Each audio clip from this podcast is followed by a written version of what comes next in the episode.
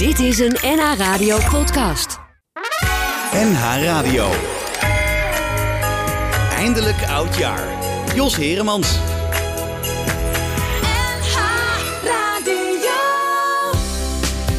Welkom terug bij Eindelijk Oudjaar, een eh, speciale editie van tekst en uitleg op deze oudejaarsavond, waarin we het alleen maar over oudejaarsconferences hebben. En we doen dat eh, met eh, Jacques Kleuters, cabaretkenner bij uitstek. Het eerste uur stond helemaal in het teken van Wim Kan. Maar na Wim Kan kwamen er de nodige opvolgers. En daarover gaan we het hebben in dit tweede uur van Eindelijk Oudjaar.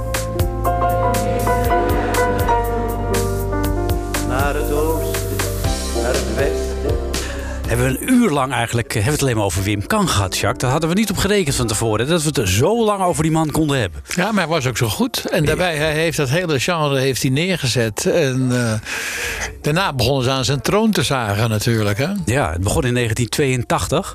Hij eigenlijk een beetje droevig uh, ten einde. Ja, hij had het natuurlijk niet uit moeten zenden. Hij had geen goede show en zijn vrouw was ziek en hij was ziek. En, uh, en zij zaten op Nederland 2 en op Nederland 1 kwam Freek de Jonge. Ja. En die was, uh, weet ik veel, 38 en ja. jong en snel. En deed heel anders. Hij deed geen politieke conferentie, maar hij deed meer verhalen, ja. grapjes, uh, gedichten. Wat stond Wim Kan daarvan eigenlijk? Uh, had, hij, had hij daar... Uh, Ze waren tegelijkertijd. En, ja. Nou, ik geloof zelfs dat het zo was dat Wim Kan op het laatste moment nog een uurtje eerder is gegaan. Of... Ja, Wim Kan die wilde eigenlijk wel het stokje overdragen aan, uh, aan Freek de Jonge. En, en het estafette stokje, weet je wel. Ach. En dat was natuurlijk misschien. En daar had Freek al helemaal geen behoefte aan. Die vond het sentimenteel en die dacht er niet over na. En die dacht iets van: daar heb ik niks mee te maken, dat wil ik allemaal niet. En uh, had een enorme uh, ambitie. Kan die proberen te overleven die avond. En Freek die stond gewoon als een harde afstandloper. stond hij aan de, de, de, voor de sprint. Hè? En die rivaliteit tussen Kan en, en, en Freek de Jonge werd ook door de pers natuurlijk wel enorm aan. Uh, en Freek kwam ook uit een soort van sporttraditie. Met Bram Vermeulen in de tijd, uh, die toch ook eigenlijk echt een sportjongen was, een volleyballer. Die wilde altijd winnen. Ja, ik vind dat een beetje onzin, want je kunt nou helemaal niks winnen. Maar uh, het ging om winnen. Dus ja. Ja, en, en nou ja, kan verloren, dat kun je rustig stellen. Ja, en, en, en verwees hij op de een of andere manier nog naar Wim Kan eigenlijk die avond? Nou, wel een beetje natuurlijk. Uh, er, er, zit iets in die vorm. En aan het einde, wanneer het applaus kwam Hella op. Weet je wel, zoals Corrie Vonk bij Wim Kan opgekomen was, kwam Hella de jongen aan het einde ook. Maar hij had ook een stukje over die spiekbriefjes, toch? Uh, de, uh, Wim Kan had altijd die spiekbrieven op het toneel. Ja, enorme borden zelfs. En Freek deed op een gegeven moment net alsof hij eruit raakte. En liet toen een enorme flap overzien. En dat was zijn spiekbrief. Nou, tot hier wist ik het uit mijn hoofd. Uh, even kijken, iets links moeten, zo'n kwart was tegen eigen van Suriname. Suriname.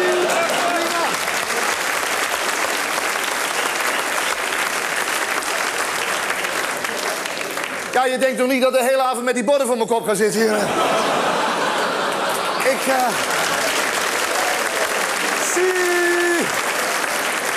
Dan had ik toch een paar hele leuke dingen over Suriname. Hele leuke dingen. Dan gebeuren daar van die akelige dingen. Dus die zijn niet meer zo leuk nu. Dus die laat ik er maar uit. Ik heb wel nog gezien een quiz voor de, voor de jeugd. Een hele leuke quiz. En dat was een vraag. Moesten ze, moesten ze 52 postzeggers bijplakken. Gulden en Polen. en dan uh, er was de vraag... Wie heeft er de leiding in Suriname? Moesten zulke kinderen... Wie, wie heeft er de leiding in Suriname? Dan weten ze daar zelf niet eens. Moeten zulke kinderen moeten dat... Nu hebben ze besloten dat de meeste stemmen die uit die quiz rollen... die krijgt dan de leiding in Suriname. Fidel Castro hebben ze in de jury gezet. Ja, dat was dus een merkwaardige, maar wel harde overgang eigenlijk van Wim Kan naar Freek de Jonge. Ja, het was een harde overgang. En Freek heeft er zelf ook wel iets van gezegd, laterhand. Hij zei, ja, ik had er misschien toch iets meer, met meer compassie op moeten reageren. Ik had misschien toch eens kennis moeten maken met Kan. Die kans heb ik voorbij laten gaan. En hij zei over zichzelf, de Ferrari haalt de T-Ford in. Maar zonder de T-Ford was de Ferrari er niet geweest. Ja, er zit ook weer wat in. Ja. ja, we staan allemaal maar, op de schouders van onze voorgangers. Ja, ja, van de andere kant, Freek de Jonge was toch meer een adept van Toon Hermans? Ja, ja, dat heeft hij ook wel eens verteld. Ja. Hij had eigenlijk nooit zo heel erg veel met Wim Kan. En die gekte van Toon Hermans en dat clowneske, daar had hij veel meer mee. Ja. En, en Toon nooit de behoefte gehad eigenlijk. Want jij, bent, je hebt de biografie van Toon Hermans geschreven. Heeft hij nooit de behoefte gehad om zelf een oudejaarsshow te doen? Nee, nee. Nee, nee, nee. Die had iets van, dat is van Wim Kan. En, en Toon snapte er ook niks van. Oh. Hij zegt, het, als je daarnaar luistert, dan is het net alsof je op een verjaardag bent bij vreemde mensen. Weet je wel, dan maken ze allemaal toespelingen en grappen over dingen waar je daar niks van weet. En iedereen zit vreselijk hard te lachen. En je ziet dan ook wel dat het leuk is, maar waarom het leuk is, weet je niet. Dus als je geen kranten leest en als je niet op de hoogte bent, dan zit je daarnaar te Ja. kijken en denk je, waar gaat het over? Ja, staat in een heel andere tak voor sport eigenlijk. Ja, Met, ja, maar eh Freek de Jonge die pikte dat eh, moeiteloos op. Die is er ook eh, heel lang mee doorgegaan. Hij maakt nog steeds ongelooflijk veel shows. Maar ik wil je even meenemen naar 1988. Want dat vond jij een bijzondere show. Dat was de ontlading. Hè? En dat was, die werd uitgezonden op nieuwjaarsdag, voor, volgens mij, bij de VPRO. En ehm, ja, dat was, hij, hij deed toen een show, deed hij een beetje een gefrustreerde televisiekijker. En alles ging ook verkeerd en zo. Hij, eh, er was zogenaamd een kapotte camera, dan moest hij het even vol praten. En op een gegeven moment kwam er ook een gordijn omlaag. En eh, toen stond hij zo'n beetje in de coulissen naast het gordijn. eh, moest hij het vol praten. Het was een beetje stand-up-achtig wat hij deed. Dan moet je eens proberen met zo'n banketletter in je broek om dat leuk te wezen. Dat gaat niet samen, dat gaat niet samen. Ik lig wel eens naast mijn vrouw en dan zegt ze... anders ben je altijd zo lollig. Ja, dat gaat niet samen. Laatst lagen wij toevallig een keer. Nou, toevallig. Nee, dat zou een verkeerde suggestie wekken. Daar is niks toevalligs aan. Nee, er is niks toevalligs aan. En ik wil niet dat iemand denkt dat dat tussen ons zo is. Dat zou dames misschien valse hoop geven. Dat, dat u hier in de zaal zit eh, en, en denkt... jou krijg ik na afloop wel. Forget it, ladies. Forget it. Nee, nee, nee, nee, nee. Nee, no way, no way, no way. Laat ik het maar even ronduit en zonder enige gêne naar voren brengen. Ik ben volstrekt monogaam.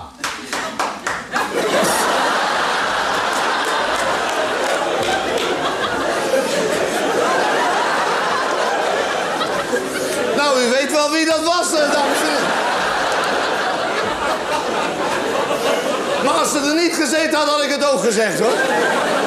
Als ik ergens een hekel aan heb, dan is het wel aan vreemd... eh, ik kan het woord niet eens uit mijn bekken. Vreemd gaan. Als het uw hobby is, moet u het op mij niet laten, hoor. Maar eh, als ik het hardop zeg, voel ik door onbekende naden ongedierte oprukken, tuurlijk is zo'n bistro gezellig, rokerige sfeer. Zo die armen door elkaar gestrengeld, hè, met zo'n glas rode wijn. En intussen die knie zo, eh, tussen die jarretels laten kaatsen. Heerlijk. Maar het uur der waarheid komt naderbij en dan zullen de schoenen toch een keer uit moeten. En dan sta je opeens op dat vreemde zeil met die Franse kaasplanken. Nee, en dan heb ik nog een extra handicap. De bril moet af. Nou, dat luistert nou hoor, dat verzeker ik. Er zijn echt keren geweest dat ik hem iets te vroeg had afgezet. Iets te laat ook wel eens, ja. Nee, en, en dan zeggen de mensen, nee, dan zeggen de mensen, de, de, kick, de kick van vreemdgaan is naspel. Nou, als ik ergens een hekel aan heb, is het wel gelul achteraf. Ja, dan krijg je van die rare gesprekken van, eh, waarom zat je eigenlijk daaraan? Oh, ja. Ik, had- ik had in een feministisch vluchtschrift gelezen dat het bij jullie een lekker eh, verwaarloosd plekje was. Nou, dat vond ik helemaal niet lekker. Oh, oh, nou, sorry. Neem me niet kwalijk. Maar toen kwam jij bij mij daaraan en dat vond ik niet zo lekker. Nee, tuurlijk niet, maar ik denk als jij daaraan zit, dan ga ik eens even lekker... eh. Naspel is aan mij niet besteed. Klaar, afrollen, pitten. Ja, Freek de Jonge. ja, leuk om te leuk. hoger, hoger tempo. Enorm. En heel andere onderwerpen. Ja. Dit gaat niet over minister Luns of over minister die en die. Dit gaat over het leven. En eh, ja, dat, dat, dat, kreeg een ander karakter. Daarbij zijn er heel veel mensen die niet van Freek de Jonge houden. En zijn kijk- en luistercijfers waren ook veel lager dan Wim Kan in de tijd. Natuurlijk er was ook meer keus gekomen op televisie. Maar eh, er zijn gewoon veel mensen die houden helemaal niet van Freek de Jonge. Dus die haken dan ook af. Ja. Dus dat hele nationale gevoel, waar Wim Kan ook heel erg op zat. Van we zijn één grote familie met elkaar, mensen vanavond. Dat heeft Freek helemaal niet. Ja, toch was een beetje, toch zat er toch ook wel iets van een dominee in hem. Hij wilde mensen toch ook wel iets eh, stichtelijks vertellen. Dus Ja, dat heeft, ja, dat heeft hij ook wel. Dat heeft hij ook wel.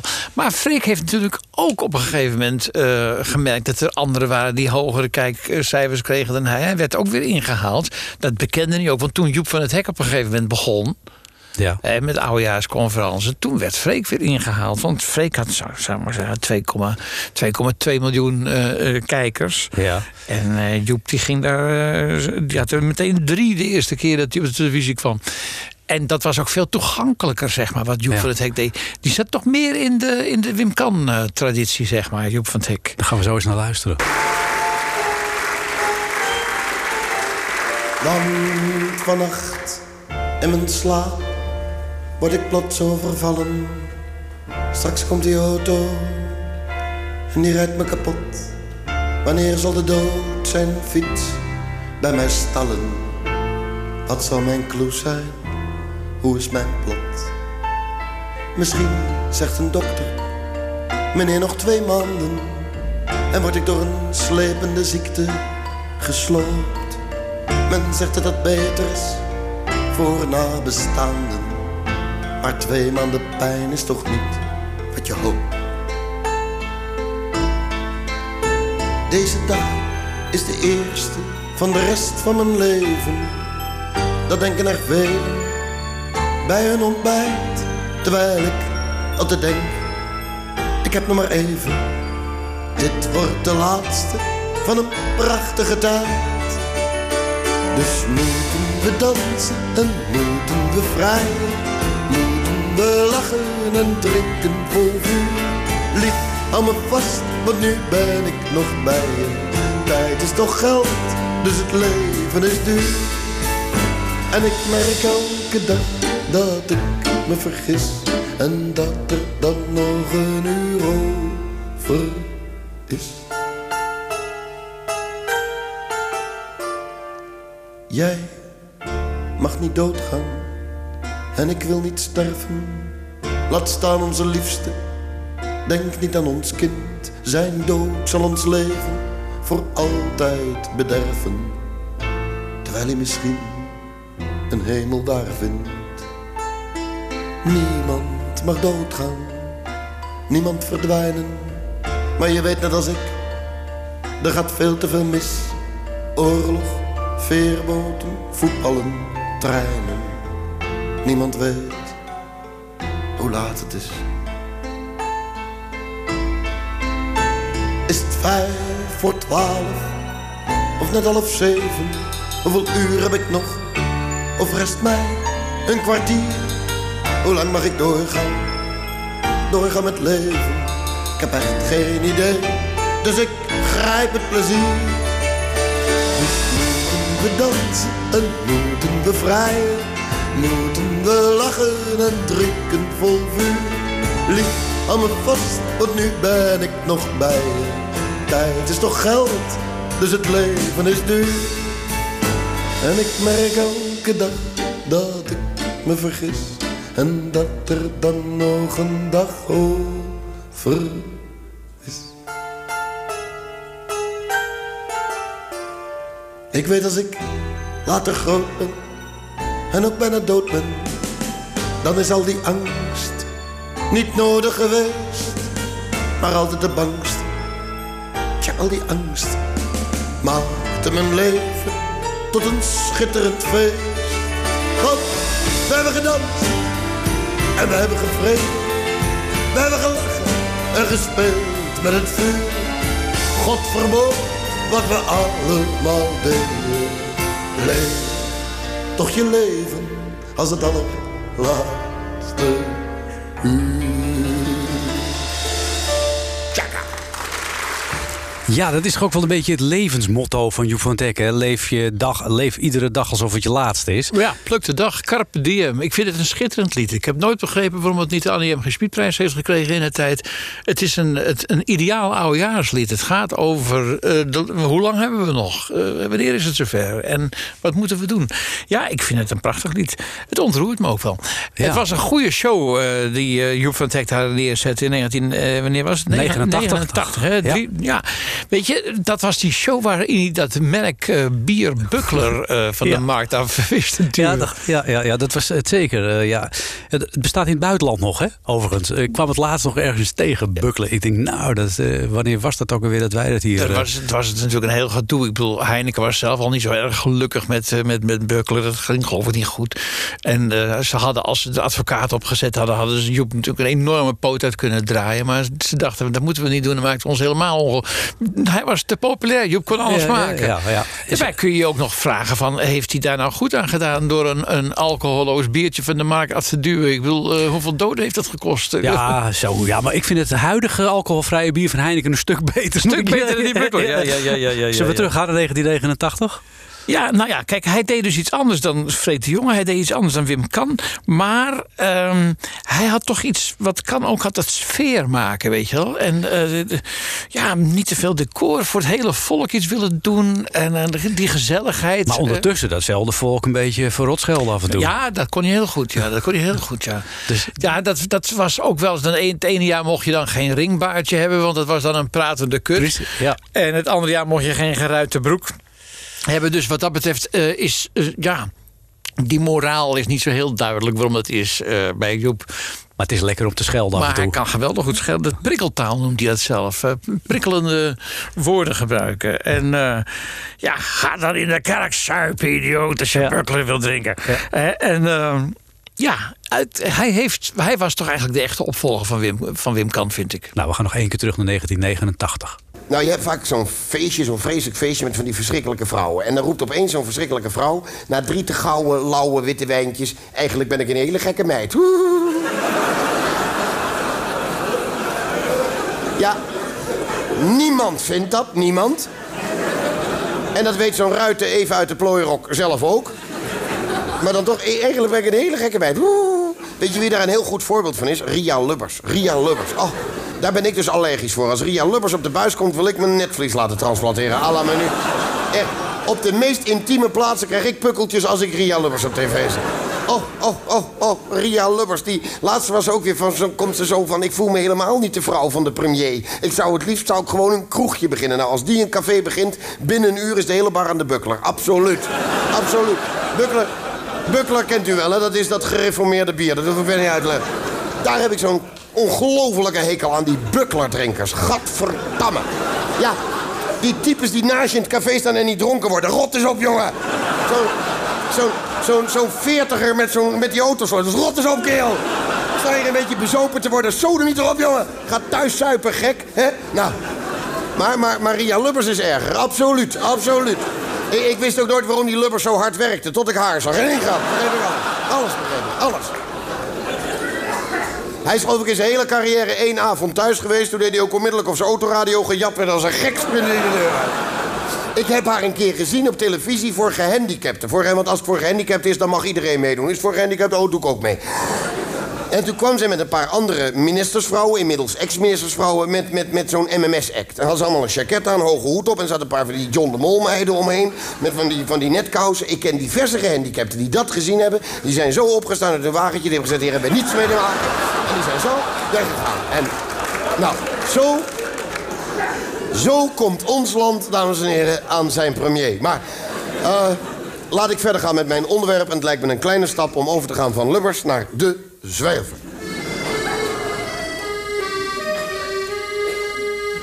De zwerver was een gewone man. Ja, heb je alweer het probleem? Eh, wat is een gewone man? Nou, in dit geval bedoel ik echt zo'n Hollandse eikel. Zo'n zo'n zo'n lul, zo'n zo'n zo'n buklerdrinker, zo'n zo'n zoetwatersurfer. Zo'n type die je ervan verdenkt dat hij zijn eigen caravan trekt, weet je wel? Zo'n zo'n Zo'n grensrechter, zou ik maar zeggen. Grensrechters, dat vind ik altijd het dieptepunt in de Nederlandse samenleving. Mannen die, mannen die op zondagmiddag met zo'n vlaggetje staan... en die als hobby hebben om te kijken of een ander niet te ver gaat. Dat is, dat is, en die te dom zijn om op een fluit te blazen, weet je wel. En één keer in hun leven dan keuren ze altijd een heel belangrijk doelpunt goed... of een heel belangrijk doelpunt af, of daar hebben ze in elk geval voor gevlacht. En dan worden ze geïnterviewd door Kees Jansma in, in Studio Sport. Nou, Kees Jansma is de reden waardoor eh, Mart Smeet zo intelligent lijkt, hè. Eh, het aardige is, het aardige is dan... En het aardige is, dat, dan worden ze geïnterviewd... en dan komt er inderdaad zo'n grensrechter in beeld. En dat is dan zo'n zo'n gedouchte fatsoensrakker, weet je wel? Die je ervan verdenkt dat hij in zijn avonduren... de Douwe Egbertspunten voor zijn vrouw zit te tellen, weet je wel? Zo- lul, hè? En, en dan, dan, dan, zie je hem ook met dat vlaggetje nog in de slow motion... en dan denk je, nou, als je, die, als je niet weet waarover het gaat... denk je, die man die heeft net het ijzeren gordijn opengeschoven. Die heeft net de wereld gered van de ondergang. Die heeft, eh, zeg maar, de, de, de Berlijnse muur geopend. Trouwens, even over dat Oostblok. Eh, het is nu wel erg in het nieuws, maar ik heb nooit geweten dat het daar zo erg was. Wist u dat? Ik dacht altijd dat ze daar wel... eh, nou, wel behoorlijk voor elkaar hadden. Ik dacht altijd, daar hebben ze pas lekker vlees. Als je al die rijen altijd bij die slagers zag, dacht ik. Ja, ik dacht, ik dacht, eigenlijk, ik dacht eigenlijk dat daar het woord slagerij vandaan kwam, eerlijk gezegd. Hè? Maar, eh, nou, ja, maar, maar later... Ja, maar laatst kreeg ik al door dat het toch niet best was. Toen was het toch niet best. Want toen zag ik het al. Toen kwamen ze, toen kwamen ze juichend Oostenrijk binnenrijden, die Oost-Duitsers. Ik denk, nou, dan moet je het heel zwaar gehad hebben. Hè? Maar toch? Kan, kan dit mopje of kan het niet, ja? Goeie grap altijd, eh, Joep van het Hek. Ja, dat kun je wel zeggen. Ja. Een enorme lachdichtheid ook. Ja, En altijd goede kritieken de volgende dag. dat, dat kan wel, maar dat, ja, dat, daar zit je niet echt op te wachten. Ik bedoel, eh, de- de- of er in de krant goede kritiek staat... dat Ja. is voor de oudejaarsconferentie Nee. volgens mij nauwelijks van belang. Nou ja, in de tijd dat ze LP's verkochten misschien nog, hè? Ja, het zou kunnen, ja. Weet je, toen op een gegeven moment werd de lat wat lager gelegd, volgens mij. Kreeg Lebbes en Jansen kregen bijvoorbeeld eh, eh, die oudejaarsshow. hè. Die deden al in de jaren negentig op de radio deden ze eh oudejaarsconferences. En met kerst hebben ze ook nog wel eens iets gedaan. Ja, in theater vooral ook, hè? Ja, ja, ja. En die haalden het heilige er een beetje af. Dus tot die tijd was het iets van... nou, dan moet je toch wel de top cabaretier van Nederland zijn... wil je de oudejaarsconferentie mogen doen. En Lebbes en Jans die hadden iets van... wat een onzin. We willen gewoon aan het eind van het jaar gewoon leuk spelen... en dan verzamelen we al die grappen die we in de loop van het jaar gemaakt hebben... en die kijken we nog eens even door of er iets bruikbaars is. En dan maken we daar een goede show van. Een soort van uitverkoop, eh, En, zeg maar. en was dat het even leuk? Ja, daar waren de meningen over eh, verschillend. Eh, ze, ze waren hard, ze waren actueel. eh, ze maakten niet allemaal van die bruggetjes of verhalen. Het was gewoon grap, grap, grap. En inderdaad, heel snel. En het heeft een tijd geduurd voordat ze het vak goed onder de knie hadden. Dus in hun beginjaren lieten ze de helft van een grap uit hun handen vallen. Ik bedoel, dan... eh, Gingen ze door de applausen heen en zo. Weet je, wel. je moet, je moet zo'n er mooi lekker neerleggen en zo. Weet je wel. Dat konden ze in het begin nog niet. Maar ze hebben wel heel veel leuke grappen gemaakt. Heb je daar misschien iets van? Dat was twee dagen na de verkiezingen. En we zaten in spanning en Wim Kok bood zijn excuses aan. Aan Van Aartsen. Voor het zo lang uitblijven van die Amerikaanse verkiezingsuitslag. Toen zei Josie als Van Aartsen, ja Wim, daar kan jij toch helemaal niks aan doen? Nou, zei hij dan daarvoor sorry. En dat vind ik mooi. Gewoon sorry voor de zekerheid. Dat wist ik niet. Ik, ik wist niet dat Wim Kok excuses had aangeboden aan Jozef van Aartsen... omdat Josias van Aartsen helemaal niet wist dat er verkiezingen waren in Amerika... en dat hij daarom zijn excuses aanbiedde omdat het zo lang duurde voordat de uitslag er was... en dat hij daarom eh, zijn excuses moest aanbieden omdat hij achteraf helemaal niet wist dat de uitslag zo lang duurde... en dat hij daar niks aan kon doen. Dat wist ik niet. Dat wist jij wel? Jij wist wel dat Wim Kok niet wist dat Van Aartsen niet wist dat de verkiezingen waren. Dat daarom die uitslag zo lang duurde. Dat daarom Wim Kok zijn excuses aanbiedt en Van Aartsen niet wist dat de hij helemaal niet wist dat de verkiezingen waren. En dat Wim Kok dat niet wist en Van Aartsen wel. Dat wist jij wel? Dat wist ik niet. Dat wist jij wel? Als ik dat wist, dan betekent dat ik het eerder wist dan Wim Kok wist dat Aartsen excuses aan moest bieden vanwege de verkiezingen in Amerika. En dat Wim Kok daarom aan Aartsen zei dat het sorry was voor de verkiezingen. Als ik dat eerder wist dan, dan Wim Kok, dan betekent dat ik heb gebeld met Ria Lubbers. Jij hebt zitten bellen met Ria Lubbers. Jij hebt in je strakke heupslip zitten bellen met Ria Lubbers. Dat wist ik niet. Dat wist zij niet. Maar als, als ik heb zitten bellen met Ria Lubbers, ben ik dan Koffie Annan? Koffie Annan belt met Ria Lubbers. Koffie Annan zegt tegen Ria Lubbers: Weet jij nog iemand voor de vluchtelingen? Dit is waar gebeurd. Koffie belt Ria en zegt: Weet jij nog iemand voor de vluchtelingen? Zij antwoordt: Nou, dan neem je Ruud toch? Koffie zegt: Ruud van Big Brother? Zij zegt: Nee! Mijn Ruud, met dat haar, met, met, met dit haar. Wat, wat zijn die wenkbrauwen. Hij kampt zijn wenkbrauwen door, hè? Dat is geen haar, dat kampt hij door. En dat trekt hij dan helemaal zo. Zo, zo. Hij heeft dreadlocks van zijn wenkbrauw. Nou, dat is een ingewikkeld verhaal. Nou, wat, ik, wat ik wel leuk vond voor, eh, voor Jan Pronk was dat hij nog een eh, troostprijsje kreeg, hè? Pronk. Want- Pronk, Jan Pronk, want er was natuurlijk een hele grote internationale post te vergeven. En dan is het de gewoonte geworden dat er dan eerst een Nederlander wordt gepasseerd. Dat, dat, is, dat, dat is zo. En dit jaar was het dan Jan Pronk die aan de beurt was om gepasseerd te worden. Maar toen kreeg hij als troostprijs, mocht hij dan toch nog de president worden van de klimaatconferentie. Tien dagen lang. Dat was hoofdklimaat. Het was in Den Haag. Hadden wij gelijk tien dagen coleren weer. Pronk wilde schijnbaar aan die Afrikanen laten zien... kijk jongens, zo kan het ook. Er waren hier stamhoofden uit Swaziland, de droogste gebieden van de wereld. Die waren hier en die zagen al die regen en die zeiden, dat willen we ook! Dat willen wij ook! Toen heeft eh, Jan Pronk, die heeft ze toen uitgelegd dat dat kwam omdat wij zoveel autorijden. Toen zeiden ze, dat willen we ook! Ik, ik denk dat Swaziland geasfalteerd moet worden. En ik wou Tineke Netelenbos dat laten doen. Kijk, wij herinneren ons Lubbers. Lubbers wordt hoofdvluchteling, maar wij herinneren ons Lubbers als onze premier. Want Lubbers is onze baas geweest. Tien jaar lang, 15, 20 jaar lang. Het leek heel lang. En Lubbers had één kracht. Dat noemden ze Lubberiaans taalgebruik. En dat betekende dat Lubbers iets zei en dat betekende iets. Maar tegen de tijd dat jij dacht dat je begreep wat hij bedoelde toen hij dat zei, betekende het altijd wat anders dan wat jij dacht dat hij bedoelde. En dan kwam die beslissing die altijd iets anders was dan wat jij dacht dat hij bedoelde, laat staan wat hij bedoelde toen hij het zei. En dat gaat hij nou in het Engels doen. Dan zal, je, je vluchteling zijn. Je komt aanlopen, je ziet Ruud Lubbers, je denkt, get the fuck out of this place.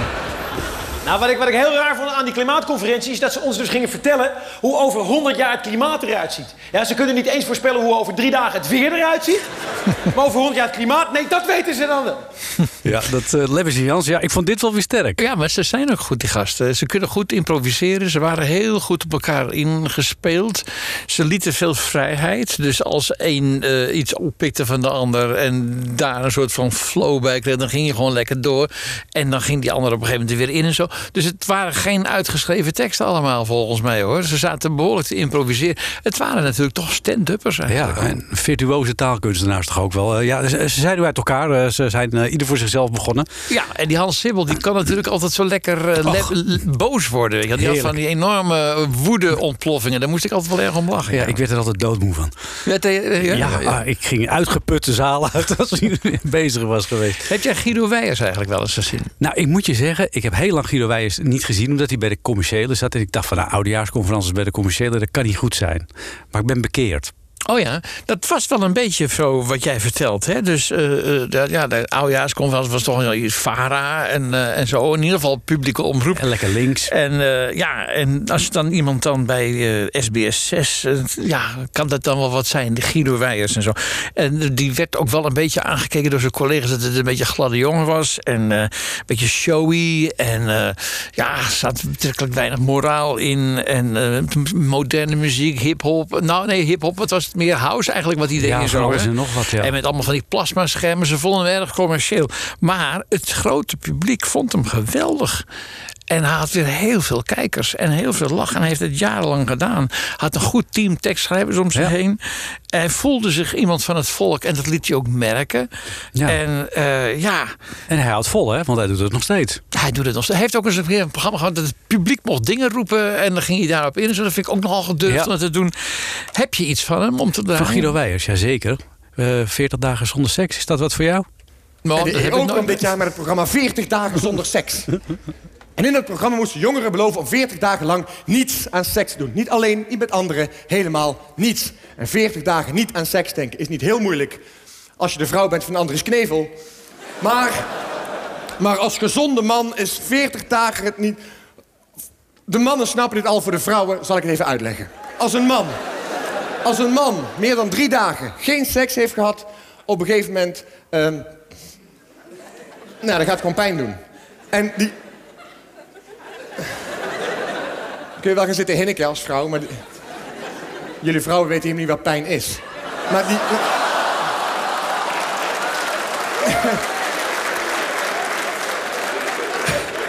Oh, nou oké. Even alle vrouwen nog even zo, ja. Mannen, zo'n bevalling is een hoop show. Daar is een afspraak van vrouwen onderling. Oh, wij willen ook kunnen weten wat pijn is. Oh, dan moeten we iets hebben wat mannen nooit kunnen controleren. Bevallen. En als mannen dan ooit nog zitten te zeiken, kunnen wij als vrouw altijd zeggen... jullie weten helemaal niet wat pijn is. Dat is zo'n schijnwerkelijkheid, hè. Vrouwen proberen ook nog altijd achteraan te roepen... als je wil weten hoe dat voelt, zo'n bevalling... moet je maar eens proberen om een sinaasappel dwars door je neusgat te duwen. Wie doet dat nou? Welke vrouw heeft ooit uitgeprobeerd of dat hetzelfde voelde? hoe lang, hoe lang duurt, een, duurt een zware bevalling? 24 uur? Dan heb je echt een zware bevalling. 24 uur heb je volgens mij een behoorlijk... zwa- Nou, nou, dames, ik heb vier dagen geleden mijn nagels te kort afgeknipt. Daar heb ik nog steeds last van. Nee, jullie weten helemaal niet wat pijn is. Nee, vrouwen, jullie weten niet wat pijn is. Want jullie hebben nog nooit over schrikdraad geplast.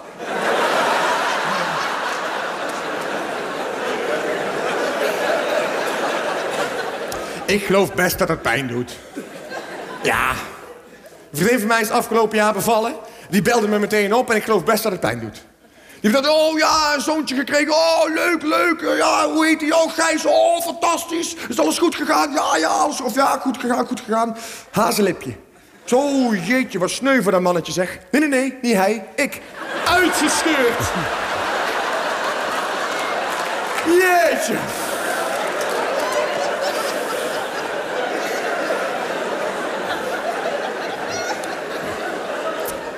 Als een man meer dan drie dagen geen seks heeft gehad, dan gaat gewoon pijn doen. Voor de vrouwen die willen weten hoe dat voelt, pak maar eens een keer een colafles, drie kwart leeg, en zo flink schudden, pof op de grond gooien. Die colafles gaat in één keer zo. En dan denk je als man nog maar één ding: niet aankomen, niet aankomen, met rust laten. Dat gevoel. Ja, Jacques, dit is Guido Weijers. Ja, Eh, dynamiek. Hij heeft heel veel dynamiek. En, En tempo. eh, als je die zaal hoort, dan eh, wordt er enorm veel gelachen. En eh, niet gewoon eh, oppervlakkig, maar echt heel diep. Hij heeft nog een hitje, een hitje ook gehad volgens mij. Wanneer was het? In 2008 of zo, geloof ik. Had hij een soort van... ja, oudejaars eh, dumpy-style eh, eh, nummer had hij gemaakt. En, dat, werd een, dat werd een hitje op Radio eh, 538, geloof ik. Nou, het, is, het is een merkwaardige man. Hij valt er een beetje buiten. Buiten het clubje van de VARA, cabaretiers, zal ik maar zeggen. Maar langzamerhand mag je toch wel een beetje respect krijgen. Dijk me zo, Absoluut, als hij al zo lang bezig is en zo goed doorzet. We kregen Jaap van der Wal op een gegeven moment. Ja, Janja Dat- van der Wal. Ja, dat, dat- was wel weer helemaal iemand uit de VARA-club, zeg maar. Ja, linkse jongen op een eh, cirkelvormig podium. In Groningen was dat, ja. Ja, ik, ik, ik, ik raakte er niet opgewonden van, moet ik eerlijk zeggen. Nou, ik vond wel leuk dat hij probeerde om weer iets inhoudelijks te vertellen, weet je. En eh, dat, daar zit het natuurlijk steeds tussenin. Hè. Guido Weijers, dat gaat echt nergens over. Dat is hartstikke leuk, maar dat gaat nergens over. Die heeft ook niet de pretentie om iets te zeggen. Maar soms heb je cabaretiers op oude jaar die wel iets willen zeggen. En die bijvoorbeeld ook iets, hun grappen maken vanuit een bepaalde moraal. Bepaald, bepaalde opvatting over hoe, wat, wat hoort en wat niet hoort. En eh, dan, en zo iemand is natuurlijk Jan-Jaap van der Wal. En dan wordt er natuurlijk ja, maar het is wel een beetje een dominee en het is wel een beetje een preker. Ja, maar cabaret is ook een bepaalde vorm van preken. Het is een soort van, eh, ja, ja, het hoort erbij, het geheven vingertje. Het is, eh, ja, Nou, hier komt de uitleg van eh, Janja van der Wal eh, bij ingewikkelde formulieren. Ik kreeg een brief van een vriend van mij uit Arnhem. Zijn er mensen uit Arnhem toevallig vanavond? Nee, maakt niet uit. Ik speelde laatst in Arnhem, er was ook niemand uit Arnhem. Nee, dus je, nee, maar je hoeft je ook niet schuldig te voelen, weet je wel. Maar het was een stukje interactie. Ehm, nou, deze jongen die woont namelijk in een probleemwijk. Zoals jullie weten zijn er dit jaar 40 probleemwijken vastgesteld. Dat was een enorm spannende verkiezing. Ja, hè, mensen moesten buurtgevechten organiseren... en illegale autoraces en barbecues. Nou, en uiteindelijk zijn er dan 40 wijken uitgerold. En hij woont in zo'n wijk en hij woont echt in een behoorlijke probleemwijk. Het schijnt dat deze wijk heeft al drie keer achter elkaar de Tokkie-bokaal gewonnen. Nou, ja, dan doe je het goed, toch? Dan doe je het goed. En hij wilde aan mij laten zien wat nou het beleid is. Want kijk, ik weet dat zelf natuurlijk niet. Want ik woon natuurlijk zelf in een prachtwijk. Ja. Nou, dat mogen duidelijk zijn. Ik woon in een enorme prachtwijk. Waar ze trouwens wel een probleemwijk van willen maken. Ik ging laatst mijn hondje uitlaten. En die liet ik op de stoep schijten. En mensen begonnen echt te klagen. Ik zei, gaan wij nou echt problemen maken? Hier, in ons hofje. Jonkheer toch. Want zo noemen we elkaar in de krachtwijk. Jonkheer, mejuffrouw en dat kutkind van hiernaast. Nou, en deze jongen die woont in de wijk Prezikhaaf. Prezikhaaf, en dat is een probleemwijk, dat snap ik zelf ook. Kijk, ik vind gewoon, als je een wijk een naam geeft... dan moet je toch beginnen om de letters van die naam in een volgorde te zetten. Want Prezikhaaf, dat kan niet. Dat bestaat niet. Dat is geen Nederlands. Het is niet eens een taal. Prezikhaaf. Bij Scrabble is het af en bier halen en nooit meer meedoen. Nimmer, nimmer. Heb ik nog tijd om Maar dit is toch geen Nederlands? Ook als je het ook deelt, een prezik, een haaf. Skiet mij maar lek. Ik heb echt geen idee. En ik zeg hier prezik... Ik had net zo goed Mekkelholt kunnen zeggen natuurlijk. Ligt in Enschede, Mekkelholt. Over die, Bennekel... Meningo Kokken-Noord heeft het net niet gehaald. eh, nou goed, beste bewoners van Prezikhaven. Het ministerie van Vrom is langs geweest om te kijken of uw wijk in aanmerking kan komen voor extra aandacht en geld om zich te ontwikkelen tot prachtwijk. Daarom heeft de minister een bezoek gebracht aan uw wijk, dus inderdaad Vogelaar is dat. Hierdoor heeft de minister zich een beeld kunnen vormen van de problemen en kansen in Prezikhaven. De minister bezocht het wijkcentrum De Snuffelpaal. Kijk, ehm... Eén dingetje. We wonen niet in Dukstad. We wonen niet in Dukstad. En ik heb dat tot mijn tiende echt gedacht. En gehoopt ook wel een beetje. Maar we wonen niet in Dukstad. En als je in Prezikhaven naar de Snuffelpaal moet... Ja, kansloze missie, hè. Waar ze onder andere met vrijwilligers en bewoners sprak. Onder andere, hè. Ze heeft natuurlijk ook met een man gepraat die deed dat Rick... Ik heb in mijn broek gescheten. Auw, ik heb in mijn broekje gescheten. Daar moeten jullie eens een keer wat aan doen in Den Haag. Maar ja, dat zeg je niet in die brief. Nee, daar maak je onder andere van als ambtelijke taal. Ze heeft een korte wandeling gemaakt door Preeskraaf 2 en 3. Dus er zijn ook nog twee slechtere versies van deze wijk. Dan kunnen ze echt helemaal niet barbecuen waarschijnlijk. En uiteindelijk heeft ze dan een klein bezoek gebracht aan de wijkwinkel. Dan kun je allerlei leuke spulletjes kopen. Kleine snuffelpaaltjes, dat soort dingen. En ansichtkaarten uit de Aruba. Want dames en heren, Joran van der Sloot is toch trotse bewoner van deze wijk. Nou, een betere mascotte kun je je toch niet wensen? Ja, Janja van der Wal. Nou, dit was best grappig, eh, Jacques. Ik moet eh, mijn mening enigszins bijstellen. Eh, het is Hij wel... had ook niet de mazzel dat het een ontzettend vet jaar was met heel veel leuke dingen. en Zo. Dan moet je natuurlijk als cabaretier ook. eh, het enige wat geloof ik leuke van dat jaar was dat Bokito-incident. weet je wel, Ja, die ja, ja. aap met die mevrouw. En voor de rest was de politiek heel weinig gebeurd. En ja, hij was ook wel een beetje serieus en hij wilde de diepte in Jan-Jaap van der Wal. Maar ik vind het een goede vent. Theo Maassen, ook zo'n man die zich eh, aan de oudejaarsconferentie te buiten wilde gaan. Ja, maar ik geloof dat hij, dat op, dat hij heeft het een keer gedaan. Daarna had hij er meteen zijn buik van vol. Ook wilde hij niet meer, volgens mij. En een deel van zijn teksten door Tim Fransen geschreven ook. Hè? Oh ja? Ja. Eh, Hij houdt niet zo heel erg van die steeds veranderende actualiteit. Hè. Hij schreef dan ergens van... eh, heb je net je hele programma rond, gaat Mandela dood. Schrijf je een grap over de baard van Plasterk, scheert hij hem weer af. Ja. Eh, wat een ander juist heel prikkelend vindt... we hebben dat gisteren verteld over Wim Kan. Ja. Weet je wel, dat het kabinet viel gewoon een week voor... dat hij zo, moest hij dat hele programma moest hij omschrijven en zo. Ja. dat moet je kunnen en willen, of niet natuurlijk. Ja. En Maas heeft niet het idee dat hij daar nou eh, erg op zit te wachten. Nee, gelukkig voor hem eh, is de action eh, al die tijd open gebleven. Want er was natuurlijk een ramp geweest als die net gesloten was... voordat hij zijn oudejaarsconferentie moest beginnen. De enige, de enige winkelketen die, die anno eh, 2013 echt nog eh, gewoon eh, goed gaat, eh, die heel goed gaat, dat is de Action. De Action. Ik, ben er zelf, ik ben er zelf nou best vaak geweest en het wonderlijke is ehm, dat ik eh, nu nog steeds geen flauw idee heb wat ze daar nou eigenlijk verkopen. Hondenbrokken, onderbroeken, chocoladerepen, vazen, plastic nepvlinders die ronddraaien aan een koordje.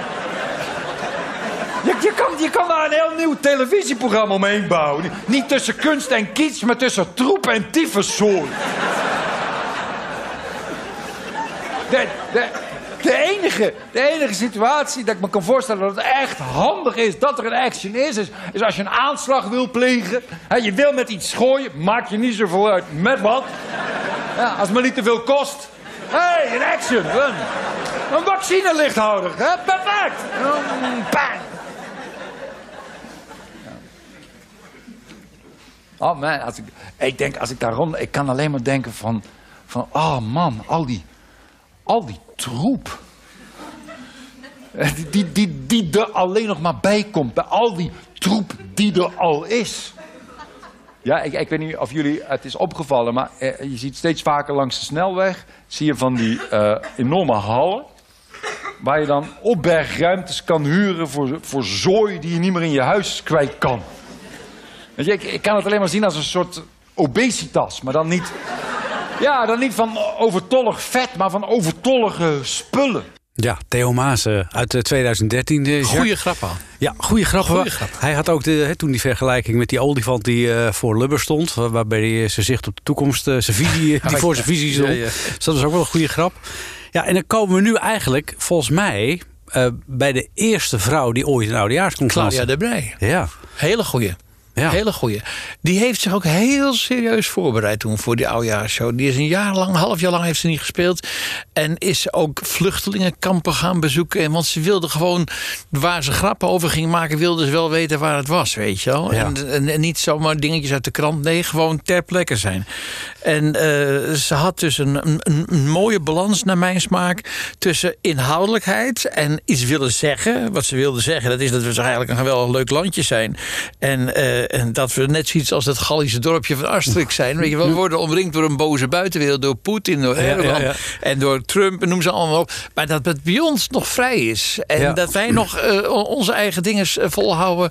En dat is een leuke gedachte. En dat heeft ze mooi uitgewerkt Ja, eh, in de show. ze had natuurlijk ook ongelooflijke mazzel dat het een bloedhete zomer was. Ja, ja zeker. En daar, ja, dat, Heb je daar iets over dan over, die, over die hete zomer. Ja? Ja? je zal het bijna niet geloven, maar ik heb er iets over, Jacques. Je denkt dat onze overheid ervoor zorgt dat de burgers veilig zijn en gezond, dan heb ik twee woorden voor je. Nationaal hitteplan. U heeft het denk ik allemaal opgevolgd, want u heeft de zomer overleefd. Maar ik wil het graag even voorlezen. Dit, ehm, dit komt van de site van het RIVM. Het is Nationaal Hitteplan. Het zijn vier punten. En ehm, ik ga ze even voorlezen. En het is gewoon goed om je, terwijl ik dat voorlees, voortdurend te blijven realiseren. Hier zijn dus mensen voor betaald. Punt 1. Drink voldoende. Je denkt misschien, ja, hoe interpreteer ik dit nou precies? Daarom staat erachter... Zorg ervoor dat u voldoende drinkt. Dat bedoel je met drink voldoende. Oh, wacht. Oh, joh. Goeie tip. Punt 2. Zorg voor koelte. Ik hoor u weer denken, ja, maar hoe pak ik dat dan aan? Er staan ook een aantal tips. Draag dunne kleding. Blijf in de schaduw. En slaap niet onder een te warme deken. Die te warme deken, die nek je elk jaar weer, hè? De- Deze zomer was het 40 graden, s'nachts buiten lag ik onder mijn vier seizoenen dekbed. Denk, ja, ik doe iets niet goed. Was er nou maar een site die ik kon raadplegen? Punt 3. Houd uw woning koel. Ik hoor u weer denken. Als was u een IJslands voetbalteam.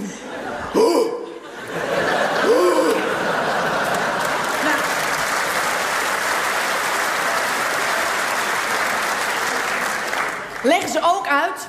Opwarming van de woning kan worden beperkt door tijdig gebruik te maken van zonwering, ventilator of indien aanwezig airconditioning. Dus indien aanwezig, hè, maak nou niet die oude fout dat je gaat denken... ja, ik merk helemaal niks van de airconditioning. Heb je gekeken of die aanwezig was? Lees dan je hitteplan. Jongen, jongen. Ik zou zo graag... Ik zou zo graag de ambtenaar die het heeft geschreven willen ontmoeten. Ik denk dat ik hem na vanavond ook wel ga ontmoeten, trouwens. Punt 4. Laatste punt. Zorg voor elkaar. Let bij warm weer extra op mensen in uw omgeving die uw hulp kunnen gebruiken. Dus alleen bij warm weer, hè? Het nou vriest het s'nachts alweer aan de grond. Dus als er nou een oud vrouwtje valt, kun je gewoon laten liggen. Kun je gewoon zeggen, ja, het is geen hitteplan, bitch. Ja, maakt niet uit. Maar...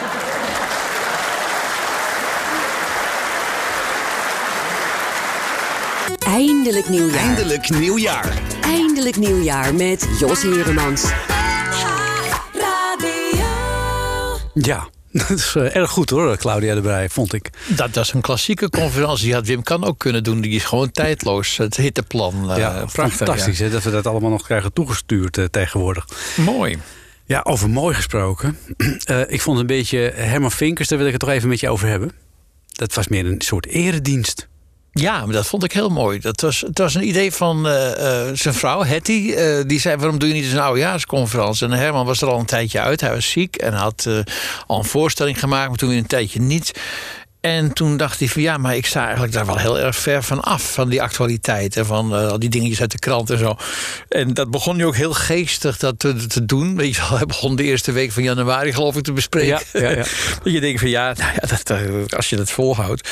Maar we weten natuurlijk allemaal dat Herman Vinkers een gelovig mens is. En eh, hij heeft ook wel eens een beetje zijn eigen eh, rooms-katholieke hoekje gevonden, zeg maar. Waar hij, eh, Maar eh, hij had dus de durf, de ongelooflijke durf ook eigenlijk, om dat door te laten klinken. Hij liet zichzelf en zijn hele godsgeloof maakte hij ook belachelijk. Hij, hij, hij maakte het discutabel. Maar eh, hij bespotte mensen, maar zonder ze te kwetsen. Wat mensen natuurlijk ook wel heel fijn vinden als het niet kwetsend is. Dat die mensen hun waarde laat. Eh, hij moest het over politiek hebben, maar dat deed hij toch eigenlijk heel handig. Waardoor hij niet eh, links en rechts wegschopte en zo. En toch zei hij dingen. Het ging ook over vluchtelingen. Het ging over buitenlanders in Nederland. Het, hij, was, hij raakte echt ook wel moeilijke thema's eh, eh, aan. En hij eindigde in grote schoonheid volgens mij met een danseres die op een gegeven moment naakt bleek te staan. Hij zei natuurlijk vooral voor hoge kijkcijfers en hoge waardering. Ja, ja. zei hij. Maar het had natuurlijk te maken met, met een, de boodschap, namelijk ja, schoonheid en eh, liefdadigheid, liefde, God, de wereld mooier maken dan hij is. Hebt elkander lief, zei hij. Hebt elkander lief, gelijk Ivonie zichzelf. En nu ga ik dus iets heel gevaarlijks doen. Ik wil namelijk mijn oudejaarsconferentie besluiten... door heel erg met u de diepte in te gaan. Maar het is link, want er is televisie bij. En eh, ik weet uit ervaring dat als je de diepte ingaat... dan dalen de kijkcijfers. Maar, en dat is het wonderlijke, tegelijkertijd stijgen de waarderingscijfers. Dat verzin ik niet, dat is echt zo. En nu wil ik graag vanavond met mijn oudejaarsconferentie... en hoge kijkcijfers en hoge waarderingscijfers. En heb ik het volgende gevonden. Ik ga zo dadelijk heel erg met u de diepte in... door te praten over de zin van het leven... aan de hand van Benedictus van Nursia. Maar zept u dan niet weg... want terwijl ik mijn verhaal hou... komt er een blote vrouw het podium op. Hm? En die mist u dus als u wegzept. Zegt u, ja luister eens, ik ga niet naar een oudejaarsconferentie kijken om een blote vrouw op televisie te zien. Negeert u dan die vrouw en luistert u naar mijn verhaal. En zo hoop ik dan en hoge kijkcijfers en hoge waarderingscijfers te krijgen. Goed, daar gaat hij.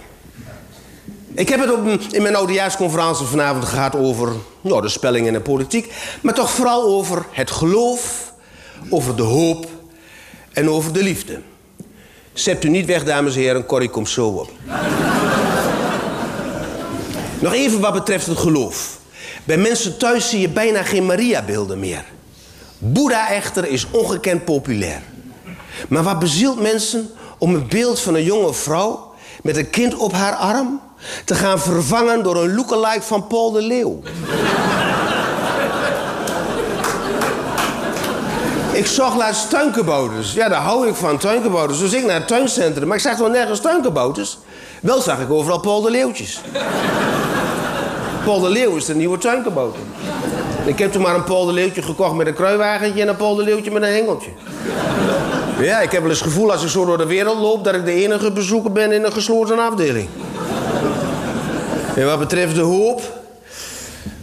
De tijd trekt nu over twintig minuten opnieuw haar jas van een jaar uit... en staat weer kwetsbaar, naakt en vooral hoopvol voor ons. Vooral hoopvol. En wat betreft die hoop, de grondlegger van de hoop... de grondlegger van Europa... was Benedictus van Nursia. Eh Corrie, het wordt nou geloof ik heel ingewikkeld. Ik zit nou al bij Benedictus van Nursia, dus ik denk dat het verstandig is dat je nu opkomt. Benedictus was zeg maar de Paul de Leeuw van rond 500. Maar ik denk dat hij voor onze tijd misschien wel net zoveel kan betekenen als Paul de Leeuw.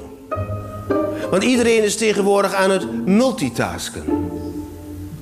Ik vermoed dat u nu ook enorm aan het multitasken bent. Maar Benedictus zei niet doen. Nooit meer dan één ding tegelijk willen doen. Maar anders krijg je al snel het gevoel dat het leven zinloos is. Je wordt zinloos geboren, je leeft zinloos en je gaat zinloos door. Een hopeloze zaak. Maar Benedictus heft die hopeloosheid op. Want hij zei, de wereld is niet perfect. Dus heeft ons leven zin. Om te proberen met kwetsbaarheid, met zachtheid en met schoonheid... de wereld iets mooier te maken dan ze is. En als je leven werkelijk zinloos was... zou dat betekenen dat de wereld perfect is. Maar ja, een perfecte wereld, wat kun jij daar nog aan toevoegen? Maar de wereld is imperfect. Dus kunnen wij aan de slag. Met kwetsbaarheid, zachtheid en schoonheid. Zonder deze drie gaat het niet. Anders krijg je wellicht nog rare ideeën over wat een mooiere wereld is. Volgens de kalifaat is in een mooiere wereld geen vrouwelijk schoon. En geen muziek. En ik hoorde een dominee op de radio zeggen... God zingt niet. Nee, Allah houdt niet van muziek. God zingt niet. Zeker nog nooit de vogel horen fluiten. Nog nooit de wind horen ruisen door de toppen van de bomen. Nog nooit de klokken van een baby gehoord aan de borst van zijn moeder. Nee, God zingt niet, nee. Als je hem in het water gooit, loopt hij gewoon terug. Maar zingen, zingen doet hij wel. Voor dovemans oren.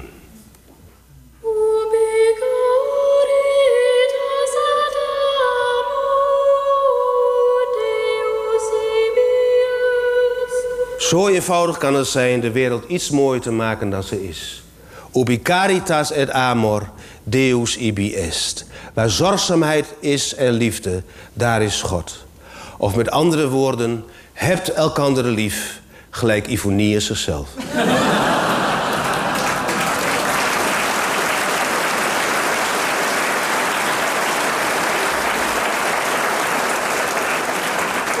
Nog even wat betreft die zorgzaamheid en liefde. Bij mijn moeder in het verpleeghuis zit een mevrouw. En die mevrouw wil sinds ze in het huis zit niet meer poepen. Nu sprak ik haar man en die zei me gek hè, ze wil hier niet poepen. Maar dan bellen ze mij, dan kom ik langs. Dan hou ik haar hand vast. Ik vertel haar wat over vroeger hier in Almelo. Ik zing voor haar wat oude liedjes. En dat is heel gek. Maar dan poept ze zo. Zulke zorgzaamheid en liefde. Daarvan wens ik u en de wereld voor 2016 heel veel toe. Gelukkig nieuwjaar. Nou, ja. Ik vind het groots. Ja, in 2018 nog steeds. eh, Dat je, dus, eh, dat je dus du- durft te praten over de zin van het leven. Ja. Dan gaat het ergens over. Ja, dat eh, heeft hij heel goed gedaan, eh, Herman Vinkers. Zou hij het nog een keer gaan doen, denk je? Ik weet het niet. Het zou wel mooi zijn, hè? Het is wel, het is wel een enorm talent. Of, of heb je, zie je andere talenten die eh, de rol kunnen innemen van Wim Kan, Joep van het Hek? Het is heel veel. Het is heel veel. En wie is het grote talent? Ik denk Pieter Derks. Maar ja, we zullen het- gelijk kunnen hebben. Maar het is altijd heel goed om te zien dat wat de een geweldig vindt. Wat ik net dus zei, dat ze Herman Vinkers zo geweldig vond. Er waren heel veel mensen die vonden het verschrikkelijk. Ja. Dus de, de, de smaken zijn heel erg verschillend. We gaan het zien. Eh, volgend jaar dat doen we het weer, Jacques. Oh, leuk. Wens jullie allemaal een prachtig nieuwjaar. En daar sluit ik me helemaal bij aan. Ja, gezellig. En zo eh, komen we aan het eind van eh, twee uur lang eh, eindelijk oudjaar... met eh, prachtig mooie oudejaarsconferences en het verhaal daarachter... verteld door Jacques Kleuters. Straks de NH Radio Muziekmix. Morgenochtend om eh, 10 uur zit eh, Marcel Hofman voor je klaar. En eh, bij hem kun je je beste wensen kwijt. En die worden dan uitgezonden hier op de radio. Rest mij je nog een heel gezellige oudejaarsavond te wensen. En nog een heel gelukkig en mooi 2023. Hé, gezellig. Gezellig, hè? Gezellig, hè?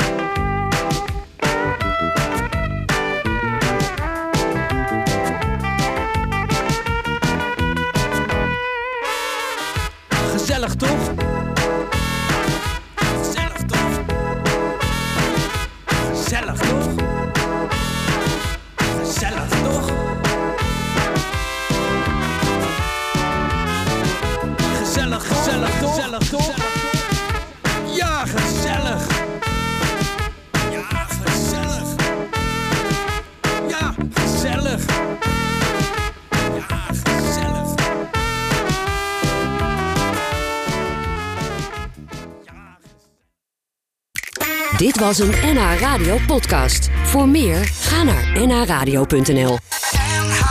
Radio.